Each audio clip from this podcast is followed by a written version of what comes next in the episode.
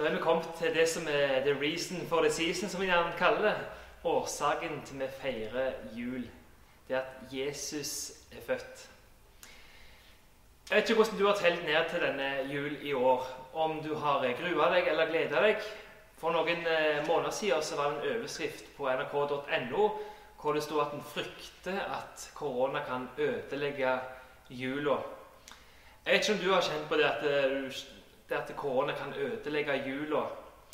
Men dette med frykt tror jeg er noe som mange av oss i år har eh, kjent på. Frykt er jo en type redsel, gjerne ut ifra en usikkerhet eller noe som en er bekymra skal skje eller har skjedd. Og eh, for dette året som har vært, så er det jo veldig mye som har vært usikkert. Usikkerhet i forhold til jobb, usikkert i forhold til hvordan det går framover. Og eh, dette med frykt er nok noe som mange har eh, kjent på i det som har vært et veldig annerledes år. Men kan korona ødelegge likevel jula? Jeg vil påstå, jeg vil mene at det kan ikke, for det, det som jula handler om, det er det absolutt ingenting som egentlig kan ødelegge. Det som jula handler om, det peker på at uansett hvor mørkt det er, så er det lys. Så jeg tror heller at jula i år kan få en ny betydning for mange av oss. For 2000 eh, år siden, på den aller første julaften, så var det noen gjetere ute på ei mark ved byen Betlehem. Og De var der ute i mørket og passet på sauene sine. Og plutselig så skjedde det at eh, himmelen over dem ble fullt av lys. Og det gjorde de utrolig redd, for det som fulgte gjorde denne himmelen lys, det var en haug med engler. Og i de her gjeternes redsel og i det som de opplevde som, eh, som skummelt, så kom budskapet fra englene, som jeg da vil sitere. Men engelen sa til dem, frykt ikke, se, jeg forsyner dere en stor glede, en glede for hele folket. I dag er det født dere en frelser i Davids by. Han er Messias, Herren.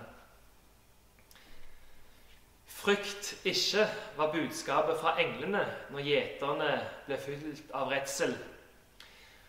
Og frykt ikke er òg budskapet til deg i dag, på julaften 2020, som skal være fullt av redsel, fullt av usikkerhet, eller der du sitter og måtte ellers kjenne på andre ting. Frykt ikke er jo et budskap som er gjennomgående gjennom store deler av Bibelen. Ofte når mennesker kommer i en vanskelig situasjon og blir bekymra, blir redd, så kommer Gud med et budskap frykt ikke. Og Jeg vil peke på noen eh, punkter i forhold til hvorfor òg Gud sier 'frykt ikke' til deg i dag. Det første er at jula handler om at du er ikke alene. Vi som mennesker er ikke alene, for Gud er med oss.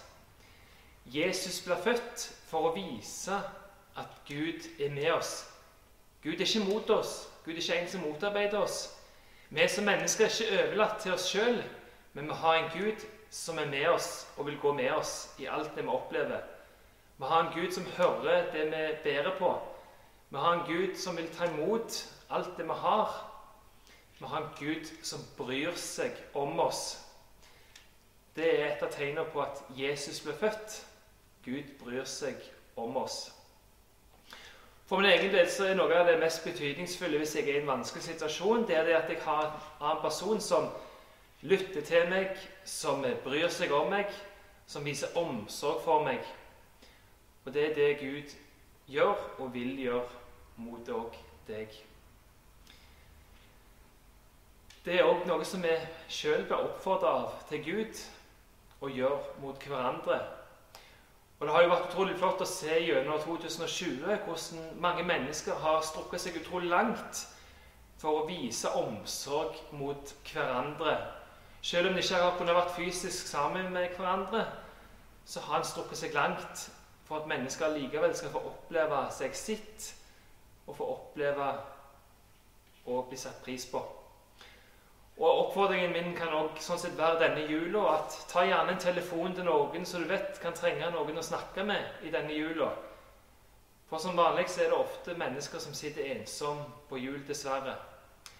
Og kanskje kan du være med og være et lys i hverdagen med å ta en telefon til noen som kan trenge det, som du ikke har mulighet til å møte fysisk. Det andre som jeg vil eh, peke på, det er dette med at det er mange barnehager og skoler dette året som har hatt teksten skrevet på gjerne et vindu eller en annen synlig plass hvor det står 'Alt blir bra' med en regnbue over. For den har en forventning om at uh, denne vanskelige situasjonen som vi er i, den er ikke permanent, men det er kun for ei tid. Og hvordan kan vi egentlig vite at noe blir bra? At det blir helt bra? Jeg tenker selv at Den eneste garantien at en kan vite for at ting virkelig blir bra, det er Jesus sjøl. Fra det vi har lest, så ble Jesus omtalt som en frelser, som herre, som Gud sjøl. Og frelser er jo en som kan fri oss ut fra en situasjon, en situasjon som vi er fanga i. Og Jesus gir oss jo mulighet til å bli fri bl.a. vår synd. Ting som holder oss fast, ting som ødelegger forholdet vårt til oss sjøl, til våre medmennesker og til Gud.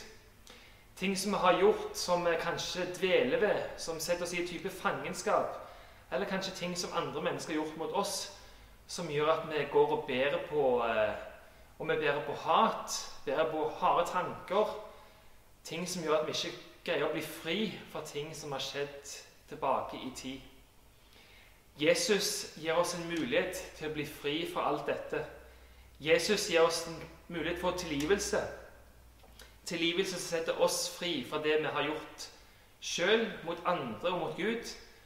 Og til å gi mulighet til å starte på nytt i forhold til ting som har blitt gjort mot oss. Jesus gir oss muligheten for en ny start, til å bli fri for alt det som ligger bak. Fortida skal ikke fange deg. Nåtida heller ikke. Og heller ingenting i framtida. Jesus gir oss mulighet for frihet. Når Jesus ga livet sitt eh, på korset på den dagen som vi kaller for langfredag, så var det en utrolig mørk og vanskelig dag for mange. Men det slutta ikke der, historien om Jesus, for den fortsatte påskedag. Det slutta ikke med et mørkt kapittel, men det gikk videre til lys og håp. Bak enhver vanskelig situasjon, bak enhver ting som holder deg nede, så ligger det et håp og et løfte om en påskedag. Et håp og et løfte om en evig liv. Og Dette håpet er jo det som har båret mennesker gjennom vanskelige tider hundrevis av år. Og det er òg det som kan være med å bære oss gjennom denne tida her. Og påskedagen er garantien for at alt blir bra. Det er garantien for at alt blir bra. Allikevel så kan det være at du kanskje ikke opplever at ting er så lett allikevel, og at du kan oppleve ting veldig mørkt, selv om Jesus gir et løfte om at vi ikke skal vandre i mørket så lenge vi har Han som lys. I en eh, film så skriver forfatteren og regissøren denne filmen en setning om dette med håp, som jeg tror kan være viktig å ta med seg i forhold til det som jula handler om. Der sier han at håp er som solen. Hvis du bare tror på den når det er lys, så vil du aldri greie deg gjennom natten. Selv om du skal oppleve tida som en mørk natt, så betyr det ikke at sola er borte. Sola er der, selv om du ikke kan se den direkte. Så hold fast på håpet gjennom mørket, for det er det som vil ta oss gjennom utfordrende tider. Og det siste som eh, dette som eh, jula handler om, det er at julens budskap er for alle. En glede for hele folket. Julens budskap er for alle mennesker. Alle mennesker har mulighet til å ta imot julens budskap, ta imot Jesus Kristus i sitt eget liv. Men som en julegave så må du jo ta imot denne gaven, åpne den og bruke den. Har du tatt imot denne gaven, eller har du valgt å legge den vekk? Nå har du iallfall faktisk muligheten til å åpne denne gode gaven fra Gud, ta imot den og bruke den i eget liv. Og Da er jeg sikker på, hvis du gjør det, at du vil oppleve igjen betydningen som Gud gir i forhold til frykt ikke. For Gud vil være med deg.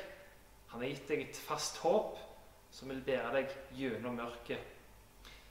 Så jeg vil bare igjen si de ordene som Lukas skrev om denne første julenatten. Frykt ikke, se, jeg forkynner dere en stor glede, en glede for hele folket. I dag er det født dere en frelser i Davids by. Han er Messias, Herren. Ha en riktig god jul.